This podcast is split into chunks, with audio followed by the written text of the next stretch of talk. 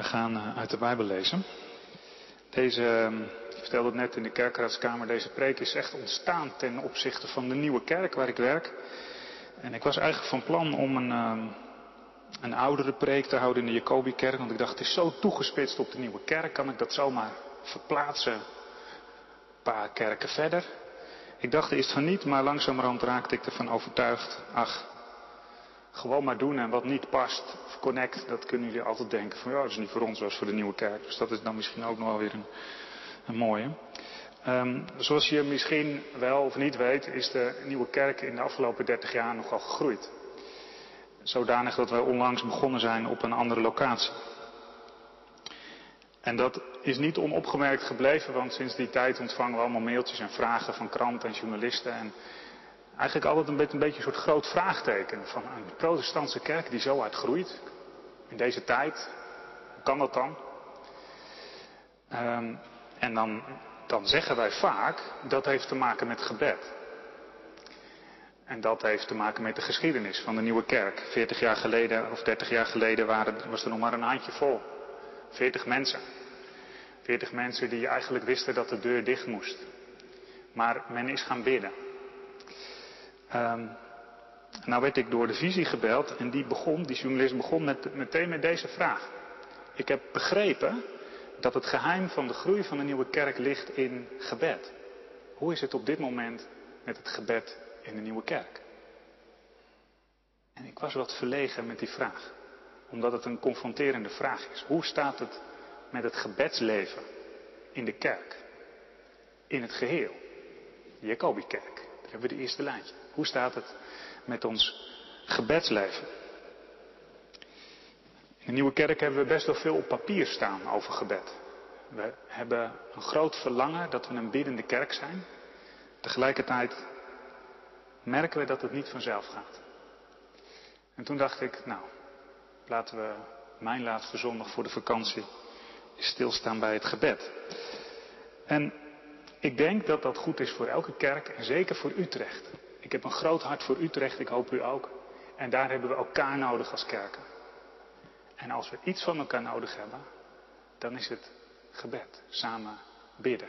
Dus toen dacht ik, ach, ik ga ook met jullie nadenken over gebed. En ik kwam op Epaphras. Ik weet niet of je Epaphras kent.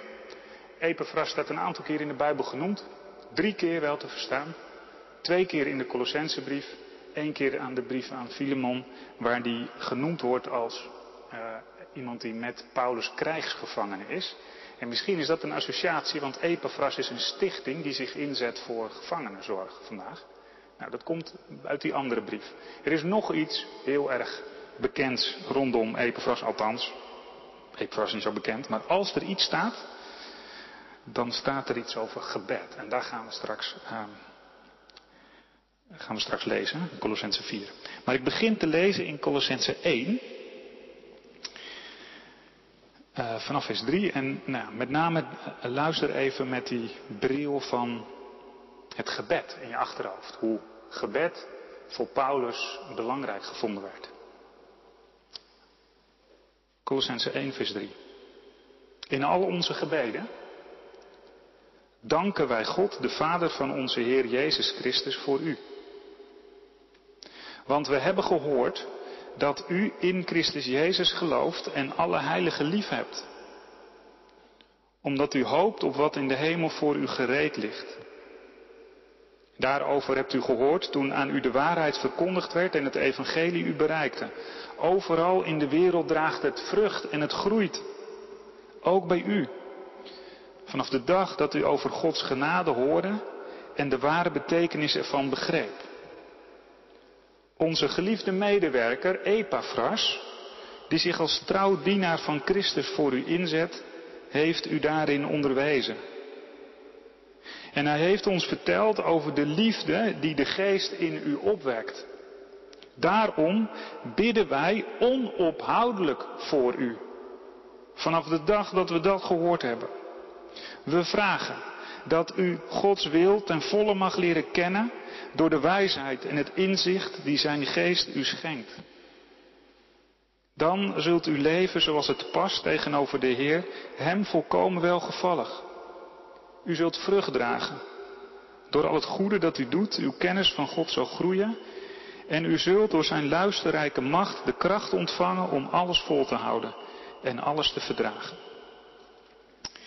Tot zover het eerste gedeelte, waar het dus expliciet gezegd wordt hoe Paulus voor de gemeente bidt.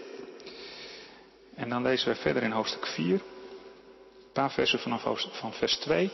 Daar roept hij de gemeente op om ook, ook te blijven bidden. Blijf bidden. En blijf daarbij waakzaam en dankbaar. En bid dan ook voor ons. Dat God deuren voor ons opent om het mysterie van Christus te verkondigen, waarvoor ik gevangen zit. En bid dat ik het mag onthullen zoals het moet. Nou, verderop volgen er allerlei groeten van allerlei mensen. En dan komt hij ook in vers 12 met Epaphras. Vers 12. Epaphras, een dienaar van Christus Jezus en een van u, groet u. In al zijn gebeden strijdt hij voor u en bidt hij dat u als volmaakte mensen en met volle overtuiging zult vasthouden aan alles wat God wil. Ik kan van hem getuigen dat hij zich erg voor u inspant en ook voor de mensen in Laodicea en Hierapolis. Tot zover het woord van onze God.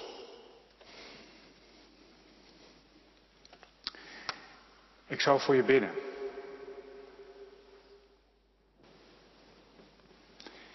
Dat dus tegen je gezegd? Ik zou voor je bidden. Nog geen uitbundige knik, maar het zal vast. Meestal op het moment dat je elkaar spreekt en je hebt iets verteld over wat er aan de hand is in je leven. En vaak, zijn dat, vaak is dat dan een bepaalde zorg die je vertelt. En nou, dan moet je afscheid nemen en dat is ook wat, wat lastiger dan soms. En dan, ik zal voor je bidden. En dan gaat diegene. En misschien dat je het ook wel eens zegt. Juist ook in zo'n gesprek met iemand, joh. Ik kan niet zoveel, maar ik zal wel voor je bidden. Hoe is dat om dat te zeggen en hoe is dat om dat te horen als iemand dat tegen je zegt? Dat die voor je zal bidden. Word je er blij van? Of... Ik merk dat ik in, uh, in mijn sceptische buien, dat ik er altijd wat dat het me eigenlijk nooit zo heel veel doet op dat moment. Dan zegt iemand, ik zal voor je bidden en dan denk ik, alleen in die bui, hè, dus dan, en dan denk ik van ja, dat zal wel, maar weet je wat er allemaal moet gebeuren? Ik heb hulp nodig, we moeten iets doen. En dan zeg jij, ik zal voor je bidden, oké? Natuurlijk, je zegt nooit nee, maar het kan soms ook wat goedkoop overkomen. Ik zal voor je bidden en dan vervolgens over tot de orde van de dag. Dan ga ik mijn eigen leven verder. Maar ik zit nog steeds met het ding waar ik mee zit. Misschien zeg ik het soms ook al te snel tegen een ander. En het kan ook vanuit een verlegenheid zijn. Dat je niet echt daadwerkelijk nabij iemand kunt komen en dan zegt ja, maar ik zal voor je bidden. Maar goed, dat is die sceptische bui. Want, want ergens is het natuurlijk prachtig om dat te kunnen zeggen. Ik zal voor je bidden. Als ik de Colossensebrief lees, dan, dan, dan is het voor die gemeente fijn om te horen dat er voor hen gebeden wordt. Blijkbaar. Althans, er worden nogal wat woorden gebruikt door Paulus in die brief, waarin hij zegt dat hij voor ze bidt. Dat doet hij, dat zegt hij natuurlijk, dat denk ik dan, uh, omdat hij hen wil bemoedigen. Weet dat ik voor je bid. En ik niet alleen, ook Timotheus, waar ik deze brief mee schrijf. En Epaphras, je weet wel, één uit jullie midden. Blijkbaar is die daar opgegroeid. Was die daar ook een leraar die het evangelie uitlegde, maar is erop uitgegaan met Paulus mee, een medewerker geworden, het evangelie vertellen. Ja, en nu ver van huis. En ja, als je het evangelie gaat vertellen, dan heb je kans dat je opgepakt wordt.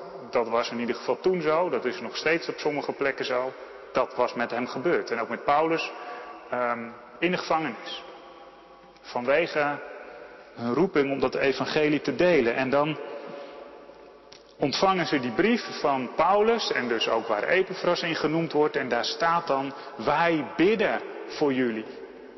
Wij bidden voor jullie dat het geloof wat jullie hebben ontvangen, dat dat krachtig wordt. En we zijn dankbaar voor dat jullie het evangelie hebben ontvangen. En we horen goede berichten. Althans, ik heb het van Epaphras gehoord. En daar prijs ik jullie om en daar prijs ik God op. Nou ja, dat lazen we in hoofdstuk 1. Bemoedigend. Epaphras, die bidt. Paulus die ziet dat en Paulus die beschrijft dat ook, dat Epaphras strijdend bidt voor die gemeente. Ver bij ze vandaan, maar intens verbonden. Ter bemoediging. Om de gemeente een hart onder de riem te steken. Dat ze volhouden, want er wordt voor ze gebeden. Het viel me zomaar in één keer op. Dat dat er staat. Dat daar zoveel woorden aan gehecht wordt. En dat is niet alleen in de Colossensebrief, dat is eigenlijk in alle brieven. Is in het hele, hele Nieuwe Testament. Het begint, al, het begint eigenlijk al in het leven van Jezus. Moet je eens kijken hoe vaak hij bidt. Op allerlei momenten, vaak op momenten die ertoe doen, dan gaat hij in gebed. Als de massa een appel op hem doet en vraagt om genezing en demonen uitwerpen, dan staat er dat Jezus zich terugtrekt om te bidden. Hij is zo druk dat hij tijd nodig heeft voor gebed. Als hij zijn leerlingen moet gaan uitkiezen, dan staat er dat hij in gebed is om dat vervolgens te doen. Vaak gaat Jezus in gebed voordat de grote gebeurtenissen komen. En dat loopt natuurlijk uit in het prachtige gebed in Johannes 17, waarin hij bidt voor zijn leerlingen die hij zo moeten loslaten. En dan bidt hij dat, dat ze één zullen zijn. En dan bidt hij voor hen en dan bidt hij door hen ook voor al diegenen die in hem zullen geloven. Eeuwenlang klinkt dat door dat Jezus voor ons heeft gebeden. Ook dus voor ons. Toen hij bad voor zijn leerlingen en alle die in hem geloofden, toen, toen bad hij ook al voor ons hier. En meerdere keren lezen we het in de Bijbel. Wat Jezus nu aan het doen is, is dat hij bidt als een hoge priester. Dat hij intens betrokken is in gebed bij zijn kinderen hier op aarde. Moet je eens voorstellen, moet je eens te binnen brengen vandaag. Er is er één die voor je bidt. Jezus. En daar gaat hij mee door. Prachtig eigenlijk. En, en, dan, en dan gaat Jezus weg en dan moeten de leerlingen wachten op de vervulling van de belofte. Pinksteren. We hebben het gevierd. Maar wanneer wordt het Pinksteren? Het wordt Pinksteren als die eerste gemeente van 120 mensen, als die intensief tien dagen hebben gebeden. De eerste gemeente ontstaat in handelingen op het gebed, of eigenlijk in gebed. De geest daalt neer, de missie ontstaat. We hebben het vaak over missie vandaag. Hè? Er wordt eerst gebeden en dan ontstaat die drive om het verder te vertellen. De gemeente wordt overweldigd door de geest, maar ze hebben tien dagen gebeden. En dan staat er dat die gemeente groeit en in Handelingen 2, 42 staat dan wat een kenmerk is van die gemeente. Je raadt het al, dat zij eendrachtig in gebed waren. Het is een biddende gemeente. Logisch dat Paulus al meteen heeft geleerd om te bidden. En als je dan in die brieven leest, dan, dan is dat ontroerend hoe Paulus intensief betrokken is op de gemeentes die hij heeft gesticht en voor hen bidt en dat, dat hen schrijft. Zo ook de Colossensen. Ik bid voor jullie. Weet dat. En ik bid niet zomaar wat. Ik bid zo nauw ik kan en zo betrokken als ik kan. Zo bid ik voor jullie. Ik, ik zorg ervoor dat ik weet wat er gebeurt. En hij vraagt aan Epaphras, die vertelt het. En dan neemt hij dat mee in gebed. Hij zorgt dat hij op de hoogte is. En dan te bedenken dat hij allemaal van die gemeentes overal heeft. Waar hij dan zo mee verbonden is. In gebed. Misschien nog wel meer verbonden als dat hij bij ze was. Als hij gaat bidden voor die gemeente. Maar dat is niet alleen. Hij vraagt hen ook om te bidden. Dat vind ik eigenlijk prachtig om te zien. Elke keer. Niet alleen hier, maar dan zegt hij, bid ook voor mij. Hij heeft het door dat hij dat nodig heeft. Als er niet voor me gebeden wordt, hoe kan ik dan woorden vinden? Hoe kan ik dan op die nieuwe plek het evangelie delen? Bid alsjeblieft voor ons dat we het evangelie op een goede manier verkondigen. Dat we niet meegenomen worden door allerlei wind van leer, dwalingen. Wat ook daar in Kolossen gebeurde.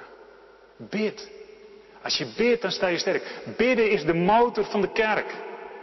Bidden is de motor van de missie, van, van alles wat we doen. Als gelovigen, als volgelingen van Jezus. Het gaat om gebed. De hele Bijbel staat er vol mee. Dat we zullen bidden. Het viel me op dat in Efeze, in, die beroemde, in dat beroemde hoofdstuk 6, waar het gaat over de geestelijke wapenrusting, waar allerlei attributen beschreven staan dat je dan zou moeten doen om de aanvallen van de tegenstander te weren, dat het ook weer afsluit met en doe dit alles in gebed en laat je daarin leiden door de Heilige Geest. Het is dus niet zomaar even bidden, dat is ontvankelijk voor Gods stem vragen, wat, wat is nu nodig om nu voor te bidden? Ja, als ik dat allemaal lees, dan word ik daar wel warm van en ook wel enthousiast van. En tegelijkertijd voel ik me er ook een beetje verlegen onder.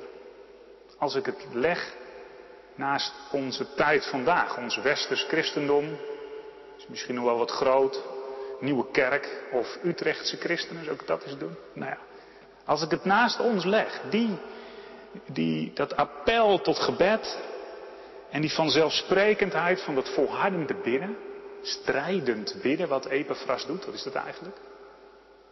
En dan wij, ikzelf. Ik realiseer me dat gebed ongelooflijk belangrijk is. Toen ik uh, beroepen werd in de nieuwe kerk, was een van de, van de, van de eisen in het profiel, weet zoiets. Um, we zoeken iemand met een rijk gebedsleven. Nou, toen dacht ik, jongen, ja. Als we er nou gaan naar gaan vragen, wat zou ik dan zeggen? Hoe rijk is mijn gebedsleven eigenlijk? Dat valt een beetje tegen. Ik vind het wel belangrijk, dat vinden we allemaal. Maar een rijk gebedsleven, wat, hoe zou dat er nou uitzien? En ik meen dat wel om me heen wat meer te horen. Dat er wel een verlangen is dat er wel een diep weten is dat gebed belangrijk is. Dat we dat ook wel zeggen. Maar dat we vaak niet verder komen dan van ja, er moet wel gebeden zijn. We hebben net gebeden. In de consistorie. Dat moet. Dus we begonnen de kerkdienst met gebed. Ja, ja anders kan je niet beginnen. Maar weet je nog wat we gebeden hebben? Um, soms is het zo routinematig aan het worden. Het gebed. Hoe komt dat? Wat is er gebeurd?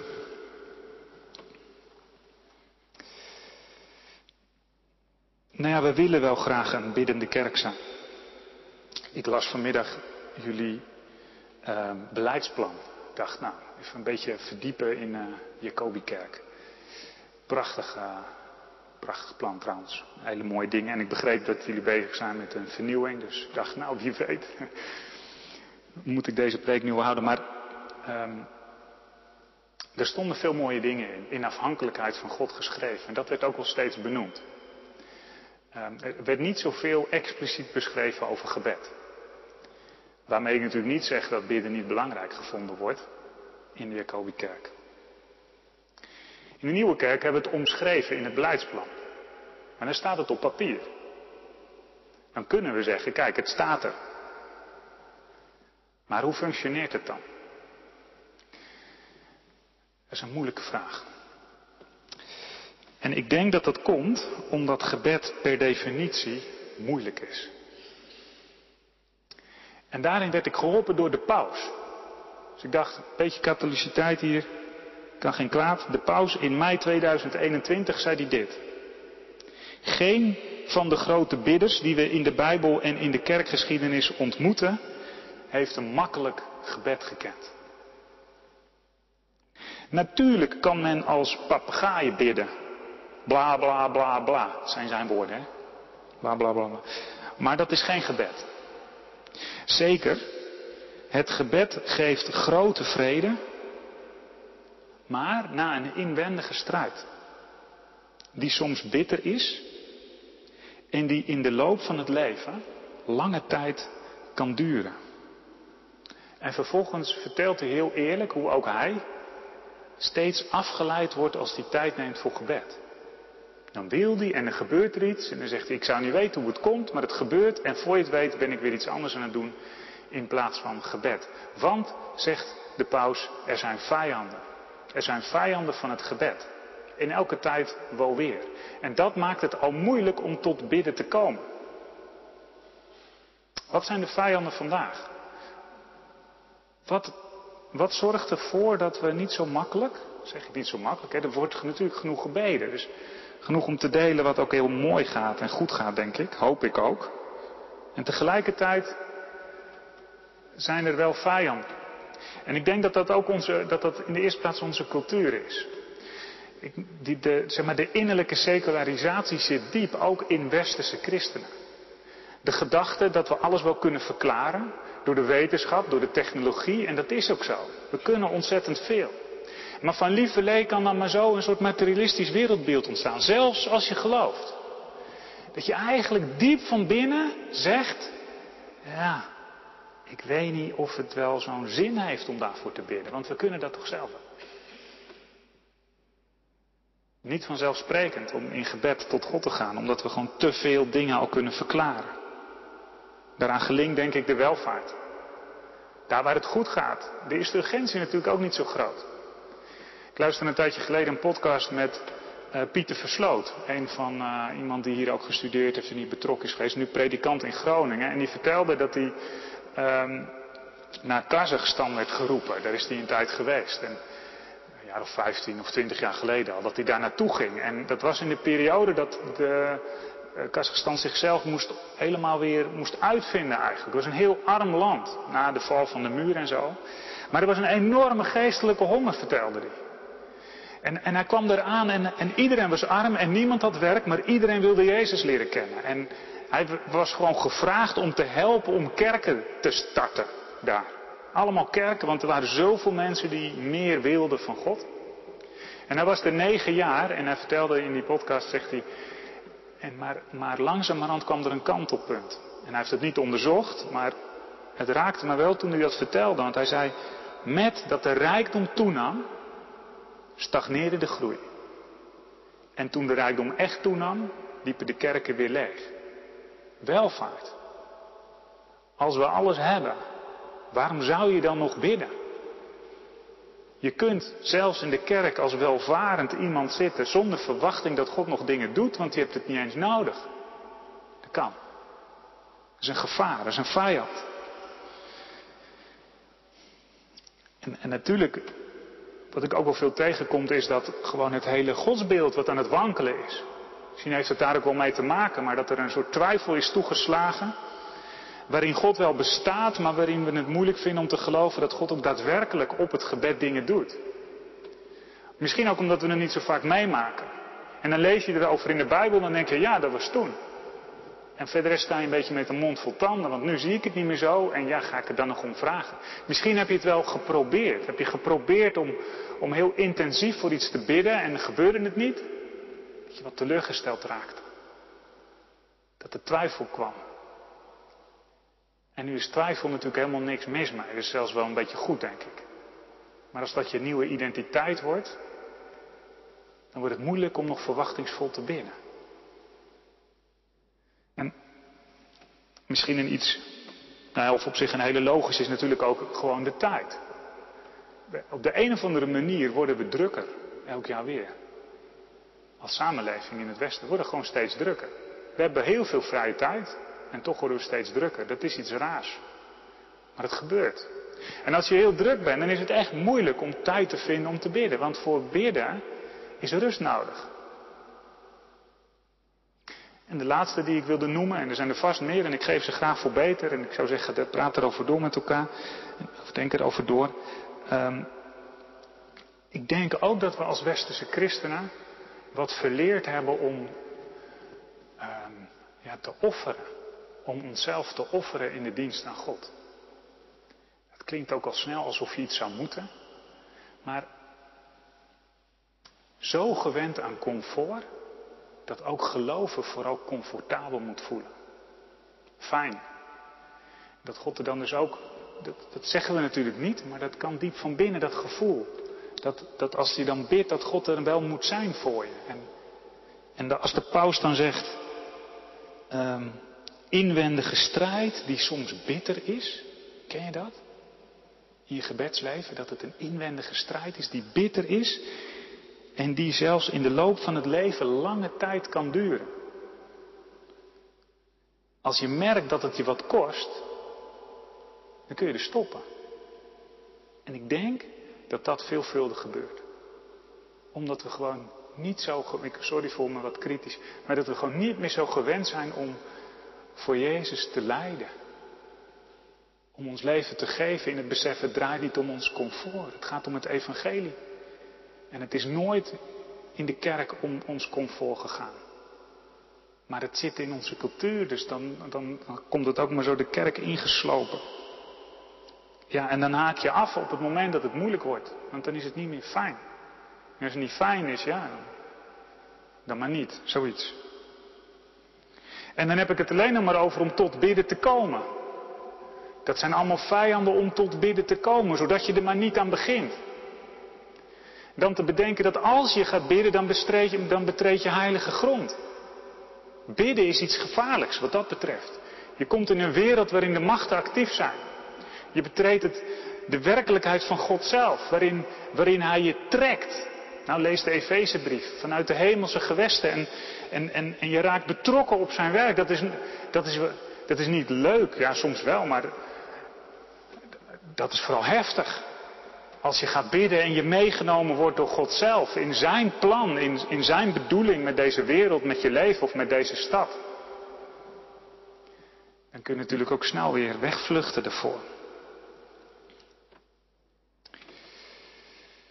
Paulus en Epaphras, zij bidden voor de gemeente. En ik stel me dat zo voor. Dat is natuurlijk moeilijk, hè, maar als ze dan gevangen zitten, misschien ook wel daarvoor dat ze met elkaar op reis waren, maar goed, dan nu gevangen. Dat ze samen zitten en zeggen van, joh, laten we weer bidden. Kom, we gaan bidden. Ja, waar gaan we voor bidden? Nou, welk rijtje? Paulus is in zoveel gemeentes geweest. Epaphras zegt, we gaan in ieder geval voor Colosse, voor bidden. Weet je, die en die. Oh ja, Weet je nog hoe zij het evangelie hebben ontvangen? Oh ja, en Paulus die wordt ook weer enthousiast, want zo schrijft hij dat. Ik heb, ik heb het allemaal gehoord wat er gebeurd is van Epaphras. En Epaphras gaat vertellen hoe hij daar het evangelie deelde en hoe de mensen reageerden en dat het ging groeien. En ja, kom, we gaan weer voor ze bidden. Onophoudelijk, zegt Paulus. Onophoudelijk, kom, we gaan weer voor ze bidden. En, en, zegt, zegt Epaphras, laten we dan vooral eerst danken. En dan danken ze. Danken ze voor wat God heeft gedaan in die gemeente. En dan danken ze voor die gemeente. En, en, en met dat ze daarmee bezig zijn, zegt Epaphras, maar het is nog zo pril, Paulus. Het is nog zo'n kleine gemeente, het is nog maar zo'n zo'n pril begin. Het kan zo weggeblazen worden door al die, al die dwalingen die er zijn, waar die rest van de brief over schrijft. Laten we bidden dat ze volhouden. Kom, en ze gaan weer bidden. En Paulus die kijkt naar Epaphras en Epaphras die bidt en, en, en Paulus hoort die woorden. Dat kan niet anders, want dan zegt hij het. Ik heb het gezien, zijn ijver voor jullie. Ik heb gezien hoe hij vol strijd is aan het bidden voor jullie, dat jullie zullen groeien in de volmaakte mens. Dat jullie zullen groeien in het vertrouwen op God. Ik heb het hem horen zeggen en hier, ik sta voor hem in. Jullie Epaphras. Hij bidt voor jullie. En ik bid ook voor jullie. Dat. En zo steken ze elkaar aan. En ik dacht, oh, dat hebben we nodig dat we elkaar aansteken, dat je samen bidt. Weet je, ik vind alleen bidden erg ingewikkeld eigenlijk, eerlijk gezegd. Ik, ik, ik zet me dan toe en, en, en, ik dacht nog van nou, de coronatijd heeft me in ieder geval wel een iets betere bidden gemaakt. Dat moet ik niet te hardop zeggen natuurlijk, dat gaat helemaal fout. Maar ik dacht, ik kan zoveel niet voor de kerk doen. Ik kan in ieder geval nog bidden. En dat was eigenlijk een beetje een verzuchting in het begin. En toen dacht ik op een gegeven moment, ja maar, ja maar eigenlijk Eigenlijk geloof ik. Ik gebruik het woord eigenlijk, je hoort het. Eigenlijk geloof ik dat het beste wat je kunt doen voor de gemeente is bidden. Dat is het beste wat je kunt doen. Ik geloof dat. Ik geef me daaraan over, want dat is geloof. Ik klamp me daaraan vast. Er zijn allerlei stemmen die zeggen, nee, je moet hard rennen, je moet allemaal dingen doen en je moet bijbelstudie geven en preken heel goed en studie en ja, ja, ja, ja. ja.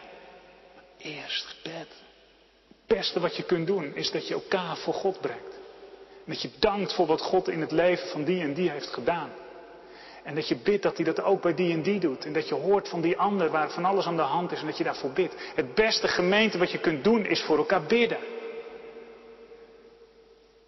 Maar ja, dan zat je daar in die coronatijd een beetje in je uppie. En dan word ik wel blij als ik dit zo lees van Epaphras en Paulus. Die hebben dat ook gewoon samen gedaan. En Timotheus zat er ook nog bij, dus met z'n drietjes. Misschien nog wel meer, maar, maar dat, je, dat je met elkaar gaat bidden. En ik weet dat het voor sommige mensen soms wat ongemakkelijk is, want dan, hoor je elkaar praten en zo. En dan ga je, als die ander aan het bidden, dan denk je, wat moet ik nou straks nog zeggen? Maar als je dat nou eens allemaal wat loslaat, dat oordeel erover, maar dat je, dat je, dat je, dat je samen bidt om elkaar aan te wakkeren, om woorden te krijgen, om geloof te ontvangen. Om het geloof van die ander te zien en die toewijding van de ander. En zo bidden.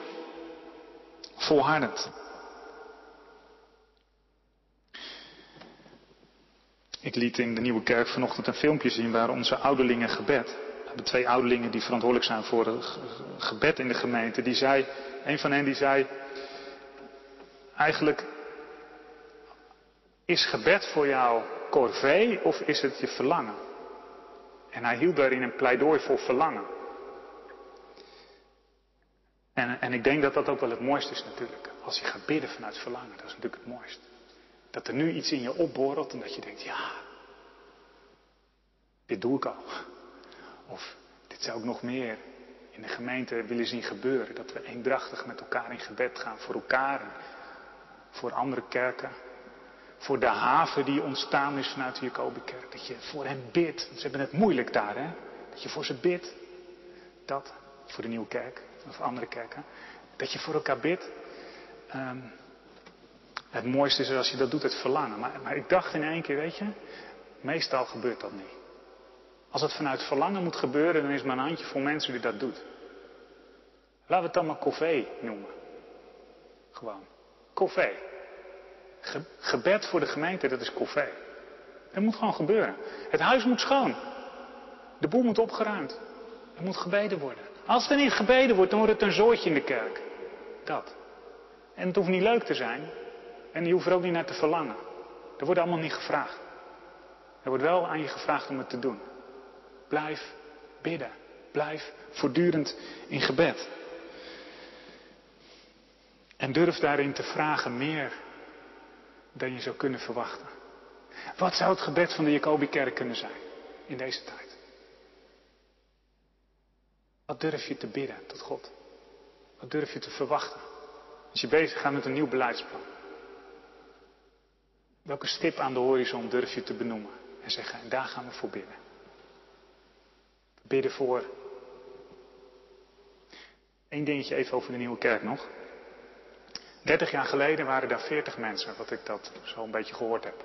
40 mensen in een kerk waar 550 mensen in kunnen. En een aantal van die mensen zijn gaan bidden. En weet je wat ze gingen bidden? Ze gingen bidden om volle balkons. En het ontroert me nog steeds. Zit je met 40 man in een kerk. In beneden, er kunnen 350 mensen. En dan gaan ze bidden voor volle balkons. Dat, dat, dat, dat durf je toch niet? En dat hebben ze gedaan. Een tijdje geleden sprak ik een van die bidders. Die niet meer in de nieuwe kerk zit inmiddels. In de tachtig. En die vroegen mij. Je bent toch dominee van de nieuwe kerk? Ik zeg ja. Hoe is het met de balkons? Balkons? Um, die staan er nog. Wist ik veel. Die staan er nog. Nee, zitten de mensen. En dat was op de zondag dat wij mensen moesten wegsturen omdat het te vol zat. S ochtends was ik voorgegaan in een nieuwe kerk, s'avonds ging ik elders voor. Ik zeg, die zitten vol. En toen schoot zij vol. Toen zei ze, ons gebed is verhoord. En toen ik met deze preek bezig was, toen dacht ik, maar, dat is een kritische, maar als die balkons nu vol zitten met christenen die niet meer weten hoe ze bidden moeten, wat heeft het dan voor zin gehad? dan is het toch een blamage. Het feit dat je gelooft heeft te maken met de mensen die voor je gebeden hebben. Generaties voor ons die bidden en die hebben volhard. En dat maakt ons altijd ook verantwoordelijk. Niet met het mes op de keel, zo bedoel ik het niet. Maar dat maakt ons verantwoordelijk. Wat je hebt ontvangen. Geloof. Gebed van mensen. Dat je onderdeel bent van een gemeenschap. Dat heb je ontvangen. Niet om voor jezelf te houden, maar om te delen. En om ook weer dat door te geven aan de volgende generaties. Biddend. Waar durf je als Jacobi-kerk voor te bidden? Wat durf je te verwachten van God in onze stad? Wat hij kan doen, ook door, door, door deze ruimte heen en door de gemeente heen. Misschien een idee om de zomertijd. Zomertijd wat staat voor rust en ontspanning. Beetje sabbat, zeg maar. Sabbat is ook altijd rust en ontspanning. En daardoor ook ruimte voor God. De zomertijd als rust en ontspanning en ruimte voor God, ruimte voor gebed. Ik weet niet of ik het zo concreet mag maken, maar gewoon elke dag een moment dat je bidt voor de gemeente. Bid voor de gemeente, hier de Jacobikerk. Dat je bidt. Je kunt nog voor veel meer dingen bidden, maar in ieder geval daarvoor. En dat je vraagt, Heere God, wat zal ik vandaag eens bidden? Leidt u mij door uw geest. En kun je bidden voor de kerkenraad, voor het beleidsplan wat komt, voor de voorgangers. Bid voor hen. Dat ze het evangelie recht zullen brengen. Dat ze zullen volharden. Ook door de tijdgeest heen, dat ze niet omvervallen. Voor jonge mensen, voor oude mensen, voor, voor singles, voor mensen die moeite hebben met opvoeden. Voor... Er is zoveel om voor te bidden. Een zomertijd lang. In verwachting. Bid voor mij. Ik bid voor jou. We bidden voor elkaar. We zijn kerk van Jezus Christus, opdat de komende generaties het gaan zien. De trouw van God aan hen die Hem verwachten. Amen.